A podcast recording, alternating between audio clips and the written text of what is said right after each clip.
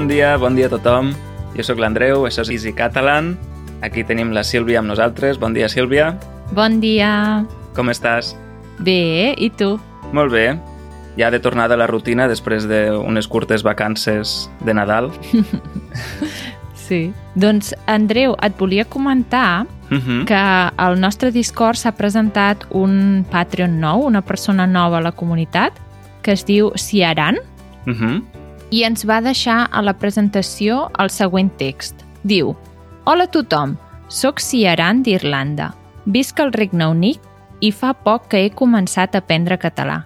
Vaig visitar València i Barcelona durant els mesos d'octubre i novembre i de seguida em vaig enganxar a la llengua i la cultura catalana. Parlo anglès i irlandès amb fluidesa i també estic aprenent francès i espanyol. Tinc moltes ganes de parlar amb tots vosaltres. Encara no tinc la capacitat de mantenir una conversa, però hi arribaré aviat. Adeu! I tant que sí, aquest és l'esperit. Molt bé, Ciaran, benvingut a la comunitat. Esperem parlar amb tu aviat a Discord i que ens expliquis més coses de l'irlandès. Per cert, aprofito per felicitar-te a tu i a la comunitat irlandesa, a la comunitat que parla irlandès, perquè no sé si ho has vist, Sílvia, que a partir del, del dia 1 de gener Mhm. d'aquest any, Sí.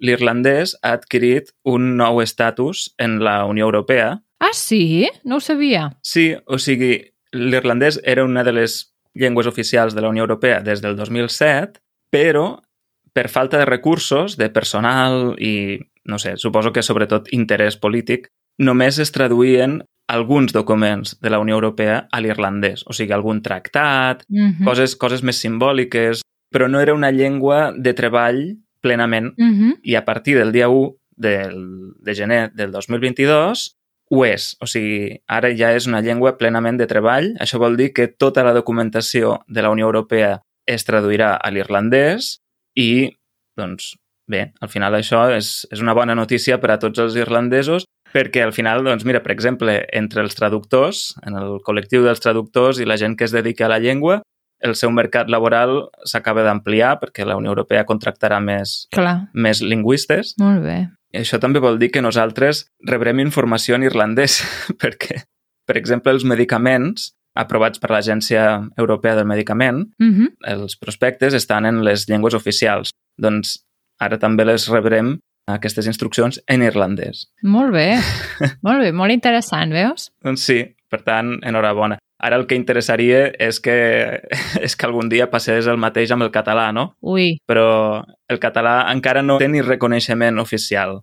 el camí és una mica més llarg. Sí, caldrà continuar lluitant perquè ho sigui, perquè, clar, pensa que l'irlandès és una llengua que parla aproximadament un terç de la població d'Irlanda, és a dir, de 4,9 milions, un terç de la població diu que parla irlandès, però les dades diuen que els usuaris habituals, o sigui, les persones que el parlen en el dia a dia, són aproximadament 70.000 persones. Imagina't, Ja, ja. és una llengua realment minoritària i tot i això és una llengua oficial de ple dret de la Unió Europea i, per tant, el català ho pot ser perfectament, no? Si és una llengua de 10 milions de parlants aproximadament. Sí, però no, no només es tracta dels parlants, Clar, clar, sí, sí, no. va més enllà. és, és voluntat Mhm. política. Sí, sí, Exacte. totalment. En fi, doncs això, una forta felicitació als irlandesos i als parlants de gaèlic. I una altra cosa que volia comentar, Sílvia, Digues. abans d'entrar en el tema del dia, és relacionat amb el paraulògic. Ja sé que sóc molt pesat, Ai, Déu! però és que en el penúltim episodi jo venia molt content, molt entusiasmat, per explicar-te el paraulògic i tu em vas dir, ah, sí, és un joc molt recurrent. Sí, és veritat. ja, però jo vaig quedar com qui acaba de caure de la figuera. No? Però és que és veritat, Andreu, què vols que et digui? O sigui, a mi m'agrada molt fer passatemps uh -huh. i en tinc moltíssims a casa i aquest tipus de joc és que és el més habitual. Vull dir, és que quan et compres una llibreteta d'aquestes on hi ha diferents tipus, no la típica que és només sudokus o només autodefinits, doncs no, si te'n uh. -huh. compres un d'aquests que hi ha com una barreja, que hi ha diferents passatemps, aquest hi és sempre. Ja, però segur, segur que no hi és amb el mateix disseny i, en tot cas, els que tens tu són en format físic. Sí, clar, són en paper. D'acord. Bé, Jo el que volia avui és reivindicar el Ai, paraulògic Déu. i explicar per què ha sigut un fenomen, perquè no sóc jo que, Sí, ja ho sé, ja ho sé. que acaba de caure de la figuera, sinó que ha sigut tot un fenomen aquí entre catalans, ha sigut un fenomen també al País Valencià Sí. i a les illes, i vull explicar per què. Primer de tot, perquè és un passatemps, efectivament, i n'hi ha molts de passatemps, però és en format digital que es pot utilitzar des d'una web, o sigui, des del navegador, de l'ordinador o del mòbil. I, clar, això és com... Bé, que normalment la gent estava acostumada a fer els passatemps en llibres d'aquests que compres al quiosc, Mhm. però això és una innovació i, a més a més, té un disseny simple, senzill i molt intuïtiu que està inspirat en un joc de la versió digital del New York Times. I llavors, l'autor, diguem, la persona encarregada del rodamots, va decidir adaptar-ho al català, no? Mhm. Ha tingut tan bona rebuda que, per exemple, el dia de Nadal va arribar a tenir 120.000 jugadors. Poca broma, vull dir, és, és molta gent en un sol dia. I algunes de les claus del seu èxit són, primer de tot, que promou la llengua d'una manera lúdica no? i divertida i que és molt pedagògic perquè et dona la definició de cada, de cada paraula que tu trobes. Mhm. Clar, això en un passatemps en paper no ho tens, no? Vull dir que és un valor afegit i, i està bé per allò que vam comentar, que si trobes una paraula que no la coneixes, simplement que l'has encertat així a sort, Mhm. combinant lletres, doncs tens allà mateix la definició. Mm. I això és el que penso que pot servir als aprenents de català també, no? Sí. Per si volen provar aquest joc, doncs mira. Una altra cosa és que ha servit també per veure que el diccionari no inclou totes les paraules, ni molt menys Ja. i que realment potser caldria fer una actualització important del diccionari, no? Això, per exemple, va passar que hi va haver molta indignació perquè no hi ha les paraules tiet i tieta. Què dius? No, no hi són, no existeixen. S'ha de dir tia i oncle. Bueno, oncle encara, però tia no. Clar, i aquí que normalment parlem de les tietes Per favor, però això què és? I per què no hi ha tieta? mm, no ho sé. És que a veure, vull dir, una altra paraula potser sí, però tieta és que és, és una forma, un parentiu que és mm. Molt comú. Vull dir, no és com, jo que sé què dir-te, mm, com cunyat o coses així que dius, bueno, ja és molt més llunyà, però sí, sí, doncs tieta no hi és. Segons el diccionari és tia. D'acord. I ja està, i amb això ja callo. ja he explicat per què el paralògic és un fenomen i us el recomano, recomano que el proveu i que, bé, que descobriu paraules noves també. El tema del dia. I avui, concretament, volíem parlar de paraules, però de paraules noves, perquè el dia 20 de desembre va sortir anunciat el neologisme de l'any 2021, és a dir, la paraula guanyadora del concurs que s'organitza des del 2014 per triar la paraula nova de l'any, o sigui, la paraula que la gent considera que representa l'any en qüestió. I aquesta paraula de l'any 2021 ha sigut negacionisme. Exacte, negacionisme. Hi havia moltes altres paraules a part d'aquesta que jo crec que potser havien de guanyar Sí, o creia que eren més importants que no pas aquesta, però la gent va votar negacionisme, per tant, Sí. ha guanyat aquesta. sí, va estar frec a frec amb podcast. O sigui, un altre candidat era podcast i podcast ha tingut 21 vots menys que negacionisme. Ui, Jo vaig votar podcast, m'hauria agradat que guanyés aquesta paraula perquè, òbviament, per a Easy Catalan és una paraula important, representativa del 2021, sí, és veritat. però ha guanyat negacionisme. Aleshores, bé, negacionisme és una paraula força transparent, ja m'imagino que sabeu el que és, i malauradament segur que teniu a... algun negacionista en el vostre entorn. Al final, és que el negacionisme és aquesta actitud no, que consisteix en la negació sistemàtica de fets històrics demostrats o de teories que tenen l'aval científic, no? O sigui, coses que estan científicament demostrades i que, per tant, hi ha dades objectives que demostren la seva existència. En aquest moment potser pensem en negacionisme relacionat amb el coronavirus, no? Clar. Però, però potser n'hi ha d'altres menes. Sí, sí, sí, sí, no és res de nou. Al final, de negacionisme n'hi ha hagut en altres èpoques. Hi ha hagut negacionisme de l'Holocaust, del genocidi armeni, del canvi climàtic, del VIH o la SIDA en el seu moment, també de l'evolució humana, o, ara amb el terraplanisme doncs també hi ha gent que negue l'esfericitat de la Terra. Ja, yeah. sí, o sigui que, que l'han triat aquest any relacionat, crec, més amb el, amb el coronavirus que no passa amb la resta de temes, però que és una cosa que ha existit sempre. Sí, crec que l'han triat perquè aquest any, o sigui, l'any passat, l'Organització Mundial de la Salut va dir que el negacionisme podia representar un perill per a la salut pública. Ah, O sigui, clar, és com... Bé, de negacionistes n'hi ha hagut sempre i de molts temes, sí. però ara aquest negacionisme en concret pot representar un perill real perquè, clar, si, si adhereix molta gent Clar, i no, no es vacunen, doncs el procés d'immunització global serà més complicat, no? clar. Mm -hmm. Molt bé. Després, la segona paraula que hem dit, que era podcast, és un mot creuat, aquesta paraula, que ens ve de l'anglès a partir de play on demand, és a dir, reproducció sota demanda, i broadcasting, que és la radiodifusió. I, vaja, no cal explicar-vos que és un podcast, perquè si esteu escoltant aquest, aquest episodi ja sabeu el que és. Molt bé. Quines altres paraules teníem com a candidates? Estava pensant, Sílvia, de quina manera podem aprendre i estar al dia de les paraules noves de les llengües que aprenem, no? Una bona manera, òbviament, és llegir i escoltar les notícies perquè el llenguatge periodístic està ple de neologismes. Sí, és clar, llegir els diaris o escoltar la ràdio en una llengua estrangera és una bona manera de descobrir paraules noves. Però a mi no m'agrada llegir gaire els diaris perquè la majoria de notícies són negatives. Saps a què em refereixo, no? Jo prefereixo fer-la petar de temes d'actualitat amb un professor particular o un tutor de conversa. Sí, és que no hi ha punt de comparació. Parlar amb una persona directament sempre és més entretingut. A veure, jo penso que són dos mètodes que es complementen. A mi, per exemple, m'agrada llegir les notícies cada dia, però també m'agrada molt comentar l'actualitat amb altra gent. Doncs ara que diem això, deixa'm recordar que aquest episodi l'ha patrocinat iTalki, una plataforma en què podeu reservar classes particulars i sessions de conversa per practicar la llengua o les llengües que esteu aprenent. A través del web o l'app d'italki podeu triar entre un munt de professors i tutors de conversa i amb ells practicar la llengua a partir d'articles de diari, per exemple, o de retalls de notícies, o senzillament amb converses espontànies sobre temes d'actualitat global.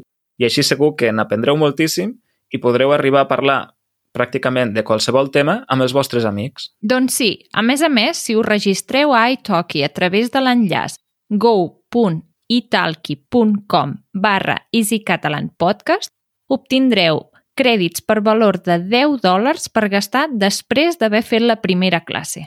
Sí, i a part d'aquest avantatge, si encara no heu reservat cap classe a iTalki, heu de saber que la majoria de professors i tutors ofereixen un preu reduït per a la primera classe, ja que es considera una classe de prova.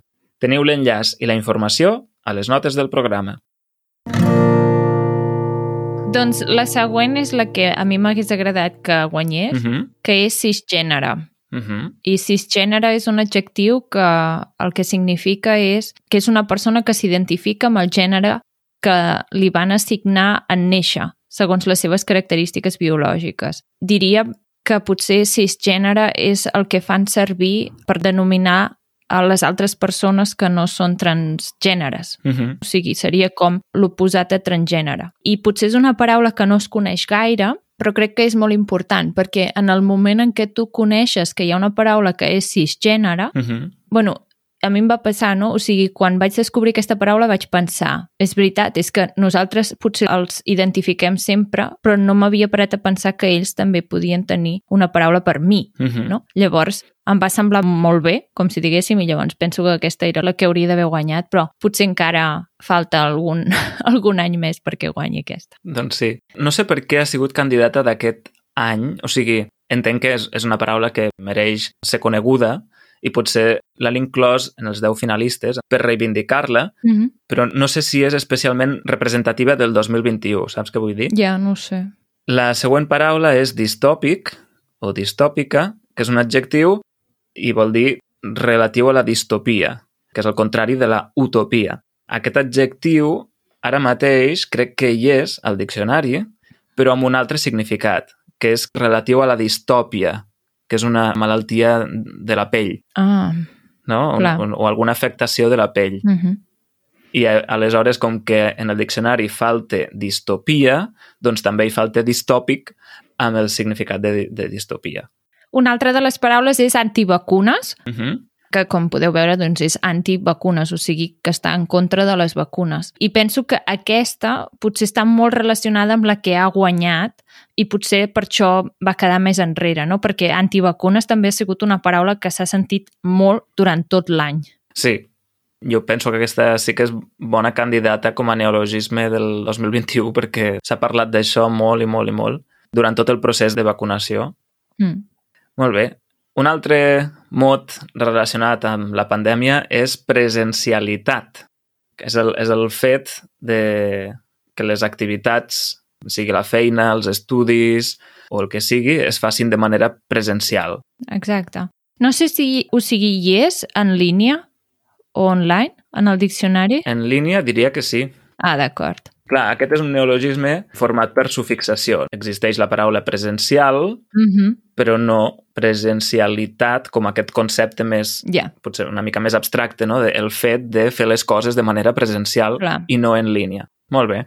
Següent. Edatisme. Uh -huh. Aquesta no l'havia sentit mai. No sé ni el que és. Sí, jo l'havia sentit el primer any de pandèmia, o sigui, el 2020, quan en els moments de saturació hospitalària s'havia de discriminar els pacients més greus segons l'edat. Sí, sí, sí, ja me'n recordo, ja me'n recordo. Exacte. L'edatisme és això, és una discriminació cap a una persona Uf, per la seva edat. I això és, ha passat especialment en el cas de les UCI, les unitats de cures intensives, durant la pandèmia, quan no hi havia prous respiradors sí. i prous tractaments i prous llits i es va haver de triar, Ai, això és horrorós, sí.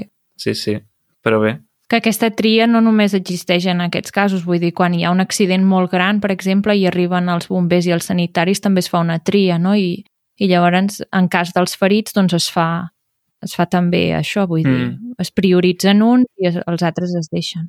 clar, a veure, és horrible, no? I segur que és més horrible ser tu qui ha de prendre la decisió. Exacte. Però clar, si tens dues persones que estan en risc de perdre la vida i només en pots salvar una, doncs, Sí, sí, doncs clar, sí, ho sé. potser millor triar la persona que té més vida per endavant, no? En fi, una altra paraula que va ser candidata és disfòbia. Disfòbia. Uh -huh. O sigui que és una fòbia segur. Sí, jo també ho tenia clar fins aquí, però no tenia clar a què feia referència el dis, Uh -huh. perquè pots fer referència a diverses coses. Clar. La disfòbia resulta que és la aversió, la fòbia, a les persones que tenen una discapacitat física o psíquica. Què dius? Sí, Però fòbia? clar, no és, no és por com a tal, sinó, diguem, Que sí, que sí. Ho és com entenc. quan parles d'homofòbia, no? Sí, no sí, és que els hi tinguin ho por, entenc. sinó que els hi tenen aversió. Uh -huh. Doncs sí, no sé si s'ha donat un augment de la disfòbia durant la pandèmia, però en tot cas sí que durant la pandèmia s'ha parlat molt de l'afectació mental, no? Del, mm. de les conseqüències en la salut mental Sí. de les persones arran de l'aïllament, de... Vaja, De tota la situació, vull dir que... sí, sí, de tota la situació de l'angoixa. I, de fet, la marató de TV3 d'aquest any ah, l'han dedicat a la salut mental. No sé si la va seguir una mica, però jo vaig estar bastantes hores mirant la televisió, mirant el programa de la Marató, i Uh -huh. vaig tenir la sensació que havia sigut massa poc. Vull dir, Ja, que hi havia tants temes per parlar, tants tipus de malalties i tantes coses per tocar uh -huh. que crec que havien abarcat un tema massa gran i que seria necessari tornar-ho a fer i potser centrar-ho més en cada una. Sé que és molt, eh? però, però potser Sí, sí, totalment. aquesta va ser la sensació que vaig tenir. Totalment. És que, clar, el tema de la salut mental encara avui dia és una mica tabú. No, una mica no, jo crec que ho és del tot. Clar, jo penso que cada vegada ho és menys, però sí, sí, ho és, ho és molt. O sigui, molta gent no s'atreveix a parlar de la seva salut mental, no? Així com podem dir, Mm. sense cap tipus de problema, que, jo que sé, que ens fa mal la panxa, que ens fa mal el cap, o que tenim, jo que sé, un problema digestiu, qualsevol cosa, Sí, parlar de la salut mental és més complicat i no ho hauria de ser. I el que tu dius és totalment així, perquè vaig sentir algú que deia hi ha tantes, tants trastorns, malalties i tal, és tan complex com la salut física. exacte, és que jo vaig tenir aquesta sensació. I la Marató, per aquells que no sapigueu en què consisteix, és un programa de televisió, bé, és molt més que un programa, eh? perquè es fan actes a tot el país, mm, es fan concerts, es fan jocs, no sé, moltes coses. Xocolatades... Tot tipus d'activitats per recollir diners per una causa i aleshores cada edició es dedica a una malaltia en concret. S'han fet maratons contra el càncer o contra la diabetis, contra... El Covid, també. I aquest any doncs, ha sigut la salut mental. Molt bé. Següent paraula. Cronificar, Uh -huh. que significa que fa esdevenir crònica alguna cosa, especialment una malaltia. Sí. Potser primer s'ha- s'hauria d'explicar què significa una malaltia crònica. Uh -huh. Hi ha molta gent que va al metge i li diuen és que aquesta malaltia que tens és crònica i la gent, sí, hem sentit moltes vegades potser aquesta paraula, però hi ha molta gent que no sap ben bé què significa, no? Mm. No, sí, sí. I, de fet, jo pensava que crònic volia dir per sempre, però tampoc és ben bé això. O sigui, crònic vol dir que té una durada superior a X. O sigui, no sé quin és el, el mínim establert, però si una malaltia normalment, jo que sé, dure entre una i dues setmanes Mm. i tu portes tres mesos, Mhm. vol dir que se t'ha cronificat. Ja, I això ha passat amb la Covid, exacte. que hi ha pacients, hi ha persones que han agafat la Covid i se'ls ha cronificat i per això diuen, parlen de Covid persistent. Sí. Sí, doncs això, cronificar. I bé, també es pot aplicar a altres, a altres qüestions, no? Per exemple, a la política, quan s'estableix un determinat tarannà polític, una determinada manera de fer, no? i no se surt d'allò, doncs es pot dir que s'ha cronificat una situació. Mhm. Saps què vull dir? Sí. I per últim tenim, no podia ser d'una altra manera, una altra paraula relacionada amb la pandèmia, que és monodosi. És força transparent també, monodosi, una dosi. Bé, és un substantiu femení i també funciona com a adjectiu i vol dir que és un medicament que s'administra una sola vegada. Exacte. I d'això se'n va parlar molt quan van començar a sortir les vacunes i es parlava de si seria monodosi o de dues dosis. Exacte. Molt bé, doncs aquestes han sigut les 10 paraules candidates a neologisme i al final la guanyadora ha sigut negacionisme. Quina llàstima. A veure si l'any que ve és, és podcast. Easy Catalan recomana. I per si aquest tema us interessa especialment, el tema de les paraules noves, els neologismes, avui us recomanem dos blogs. Avui dia el format blog potser ja no és el més popular, diguéssim, avui la gent està més a TikTok i, i altres llocs, però aquests dos blogs són molt interessants en relació amb, amb això, amb les paraules Mhm. noves. El primer es diu Neolosfera i és el blog de l'Observatori de Neologia. L'Observatori és el centre que organitza aquest concurs del neologisme de l'any. I en aquest blog publiquen, no sé si és setmanalment o diàriament, diàriament, sí, un neologisme, una paraula nova que no està entrada en el diccionari i expliquen l'origen, el procés de formació i també el significat i una mica de context per acabar-lo d'entendre.